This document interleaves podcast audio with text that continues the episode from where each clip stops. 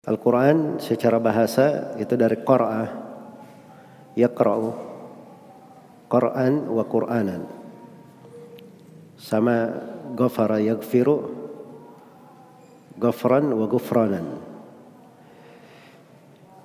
Jadi dia adalah masdar dari qara'ah bermana membaca, bermana tilawah. Iya. Dikatakan Quran karena dia selalu dibaca. Selalu dibaca dan di sebagian kiraat dibaca Al-Quran. Al-Quran. Tidak dibaca Al-Quran tapi dibaca Al-Quran. Dan itu ada di kiraat As-Sabah. dibaca Al-Quran.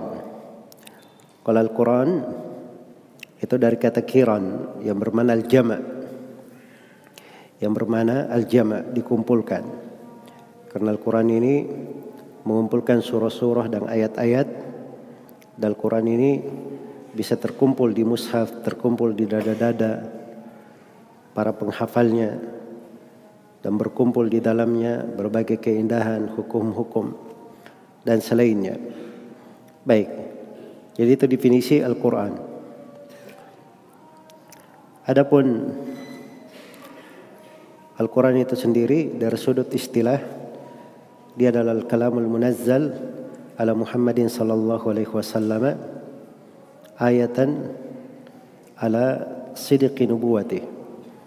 Dia adalah firman Allah yang diturunkan kepada Nabi Muhammad sallallahu alaihi wasallam sebagai tanda akan kebenaran dan kebenaran dan kenabian beliau sallallahu alaihi wasallam.